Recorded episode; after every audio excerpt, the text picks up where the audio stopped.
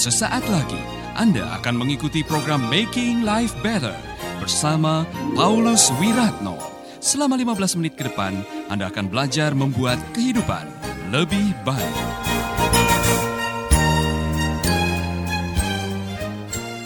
Yang kedua, satu kalimat, jangan meremehkan kalimat ini. Have mercy on me. Ini bahasa orang beriman. Have mercy on me. Ini bahasa kerendahan hati. Orang beriman itu kualitas ucapannya bisa dinilai oleh orang lain. Dan orang yang beriman sedang mengatakan, hey, have mercy on me. Apa artinya?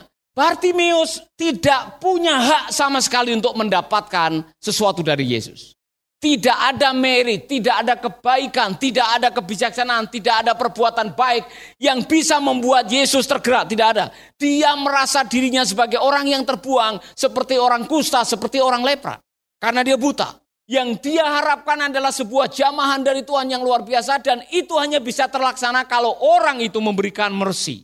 Mercy adalah kebaikan yang diberikan untuk orang yang tidak layak untuk menerimanya. Itu mercy. Contohnya mercy Indonesia untuk anak-anak Indonesia. Ya kan? Nah saudara-saudara, ketika Bartimius mengatakan have mercy on me, dia sedang memposisikan dirinya hidup di bawah kasih karunia. Bahasa orang beriman adalah bahasa di mana ia memposisikan dirinya zero, nol, tidak punya apa-apa. Ibu dengan saya makan dengan seorang pemuda yang cukup berhasil. Dia merintis usaha dan dia menyuplai semua aluminium foil ke seluruh Indonesia. Dia yang mentraktir kami dan uh, ditunjuk menjadi guide kami, ngajak makan siang, makan malam dan sebagainya selama pelayanan di GBI Gosen di Surabaya. Dan saya mendengar ceritanya. Bagaimana dia merintis usaha dari nol sampai sekarang diberkati oleh Tuhan. Dan saya mengajukan pertanyaan, apa yang menjadi impression, apa yang kesan dan pesan kamu selama kamu diberkati oleh Tuhan dengan usaha yang seperti ini? Dia bilang, semua karena anugerah Tuhan. Itu bahasa orang beriman, saudara. Have mercy on me. Semua oleh karena kemurahan Tuhan. Maka saya setuju dengan lagu yang sering kita dengar. Oleh karena kemarin saya membaca ayat di dalam kitab Amsal yang mengatakan Tuhan membenci orang sombong karena keangkuhan mendahului kehancuran. Maka tugas kita sebagai orang beriman ialah ucapkan kalimat-kalimat yang membuat kamu posisimu selalu di bawah kasih karunia. Apa yang membuat orang bisa hidup di bawah kasih karunia? Rendah hati. Dengar baik-baik. Yang membuat orang memposisikan dirinya di bawah kasih karunia adalah kerendahan hatinya. Zero attitude. Kita ini nol. Tidak ada apa-apanya. Kita tidak punya apa-apa. Amin. Haleluya. Saudara-saudara kita diberkati oleh Tuhan. Kita diberi award melalui pemerintah Kick Andy. Itu hanya kemurahan Tuhan. Haleluya. Amin. Tadi pagi saya dapat SMS dari salah satu teman saya yang dulu ikut lomba yayasan dari Palangkaraya, namanya Pak Samuel. Pak Samuel pernah cerita, Pak Paulus, waktu Mercy menang itu jadi omongan banyak orang. Terutama dari yayasan-yayasan yang lain, dari provinsi yang lain. Kok Mercy yang menang? Kenapa Mercy yang menang? Pak Paulus, saya ada di ruangan ini. Saya tahu Mercy menang itu karena kemurahan Tuhan. Nah saudara-saudara, saya tahu itu kemurahan Tuhan. Memang kami sudah tidak mengharapkan. Pada waktu kami selesai presentasi di Hotel Area Duta, kami pulang, bisa menang mewakili Bali sudah senang. Amin. Dan kami tidak mengharapkan. Kok jam 10 malam dapat telepon Pak, tanggal 20 harus datang ke Palangkaraya menerima award. Mersi Indonesia juara satu. Jangan heran kami loncat dari tempat tidur. Langsung, uh, haleluya, kami semua pergi ke STMJ malam-malam. Saudara-saudara, itu semua karena kasih dan kemurahan Tuhan. Kok tiba-tiba saya dapat SMS dari stafnya Facebook mengatakan kami senang dengan uh, page Anda dan karena Anda pengikutnya lebih dari 46 ribu, maka Anda berhak mendapatkan iklan. Kalau Anda setuju tolong tanda tangan dan kirim formulir ini. Saudara-saudara, itu semua kemurahan Tuhan. Saya tidak pernah meminta. Kok ada orang yang datang mau kasih uang, itu rezeki yang datang dari surga. Amin. Maka posisikan dirimu di bawah kasih karunia. Apa yang membuat engkau hidup dalam belas kasihan Allah? Rendah hati. Have mercy on me. Satu bahasa lagi, bahasa orang beriman. Saudara tidak menyangka bahwa setiap ucapannya Bartimius itu luar biasa. Salah satunya pada waktu, dengar baik-baik ayat 48. Banyak orang menegurnya supaya ia diam. Namun demikian eh, semakin keras ia berseru. Anak Daud kasihanilah aku. Lalu Yesus berhenti. Mereka memanggil orang buta itu dan berkata kepadanya, kuatkan hatimu, berdirilah, ia memanggil engkau. Lalu ia menanggalkan jubahnya, ia segera berdiri dan pergi mendapatkan Yesus. Tanya Yesus kepadanya, apa yang kau kehendaki supaya aku berbuat bagimu? Jawab orang buta itu. Dia tidak menggunakan son of David, dia tidak menggunakan Yesus, dia pakai kata Rabuni, my master, my Lord. Dan penafsir mengatakan ini bahasa orang yang hidup dalam submission dan penyerahan. Orang beriman, language-nya adalah language berserah. Bahasanya penuh penyerahan. My Lord, Rabuni, my Master. Dia seperti dia tidak punya apa-apa. Dan di hadapannya dia adalah Rabuni, Master. Yang bisa memberikan segalanya. Yang bisa dia lakukan adalah berserah. Amin. Haleluya. Pernah ketemu dengan orang yang setiap kali ngomong, itu hanya Tuhan. Hanya Tuhan saja yang berbuat. Itu karena kemurahan Tuhan. Hanya Yesus saja yang melakukan. Haleluya. Karena Tuhan, karena pertolongan Tuhan. Haleluya. Amin. Bahasa orang yang selalu berserah kepada Tuhan.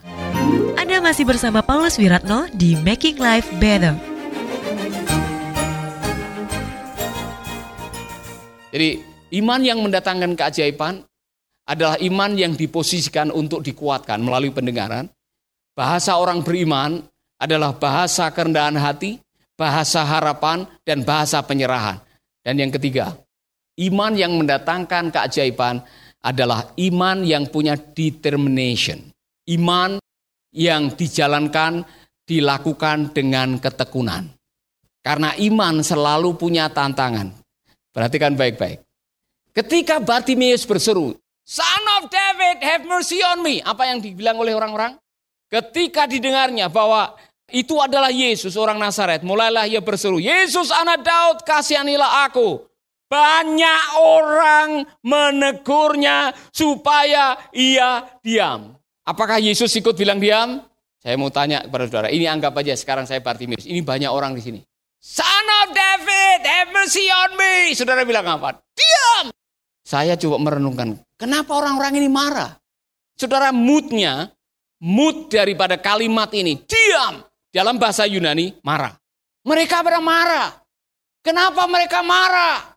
Mungkin ada kontras antara siapa yang dia panggil dan siapa dia yang memanggil. Yang satu orang najis, pengemis buta, kau panggil-panggil dia, berteriak-berteriak. Dia ini bukan sembarangan orang. Dia baru keluar dari Yeriko. Ini perkampungannya hamba Tuhan yang luar biasa. Bukan hanya itu, ini adalah nabi yang baru Mesias yang luar biasa. Kenapa kamu berteriak? Diam! Yang menarik, ya, ada sesuatu yang dalam waktu yang sangat tepat, sangat dekat sekali dalam waktu yang singkat, mood mereka berubah. Nah, yang saya tertarik dengan Bartimius, ini banyak orang loh. Banyak orang bilang, diam kok Bartimius. Bartimius tambah keras. Kenapa dia berteriak tambah keras? Karena dia punya keyakinan. Tidak peduli saya tidak bergantung kepada suara kalian. Saya bergantung kepada suara anak Daud. Maka dia teriak lagi, son of David. Dan dia tidak marah kepada orang-orang. Ngapain kau yang sewot? Saya tidak minta pertolongan kalian, saya minta pertolongan. Dia tidak peduli.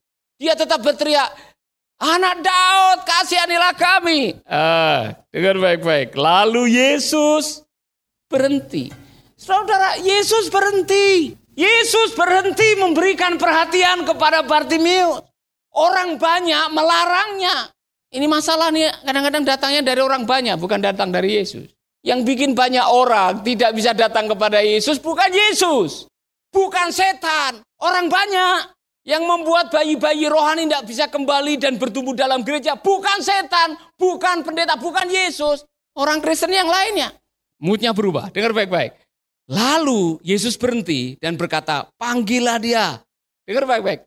Mereka memanggil orang buta itu dan berkata kepadanya, kuatkan hatimu, berdirilah, ia memanggil engkau. Dalam bahasa Yunaninya, moodnya sudah berubah.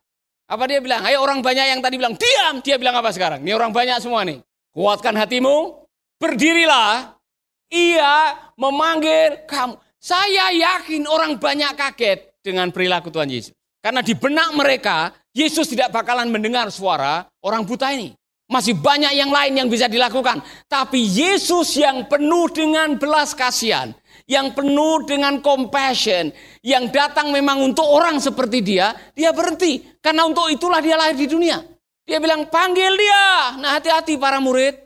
Kadang-kadang engkau sok lebih hebat, lebih kejam daripada gurumu. Yang gampang jangan dipersulit. Panggil dia. Semua pada bilang, oh Yesus memanggil dia, Yesus memanggil dia. Bahasanya bukan marah lagi. Mr. Bartimeus, please stand up and go to him. Mr. Bartimeus, hey Bapak Bartimeus, ayo berdiri.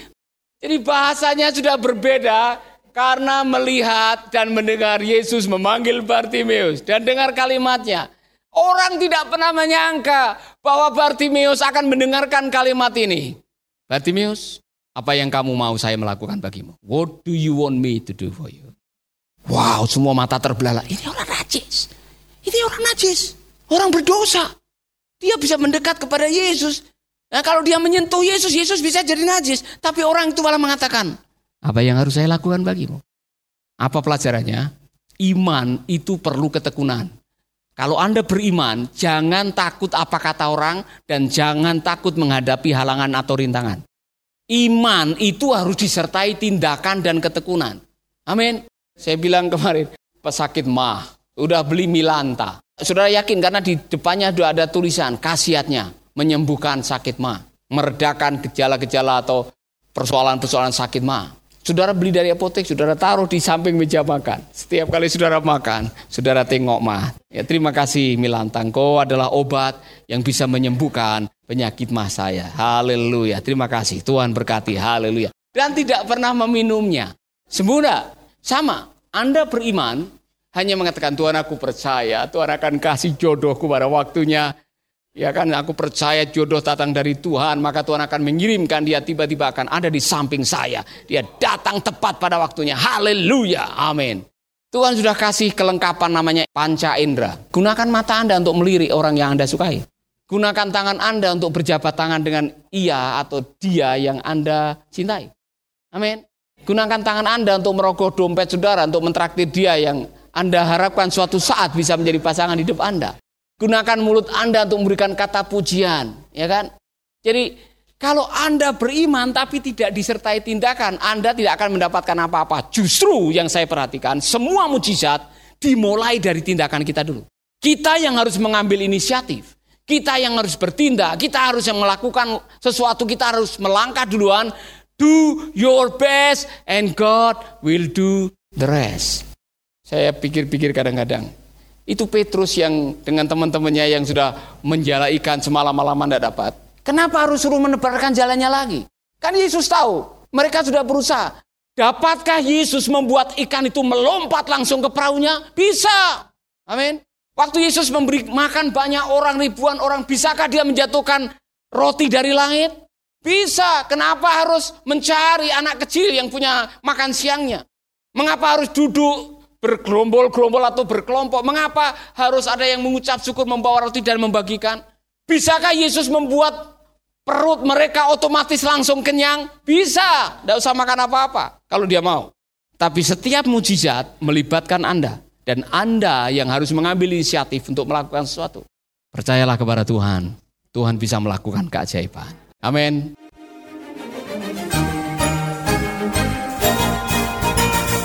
Baru saja Anda mendengarkan Making Life Better bersama Paulus Wiratno. Jika Anda diberkati, kirimkan kesaksian Anda ke Radio Dian Mandiri Jalan Intan LC2 Gang 4 Nomor 1 Denpasar, Bali. Kunjungi website kami di www.pauluswiratno.org, Facebook Paulus Wiratno. Hubungi kami di 081 338 665500 Sekali lagi 081 338 665500. Terima kasih, Tuhan memberkati.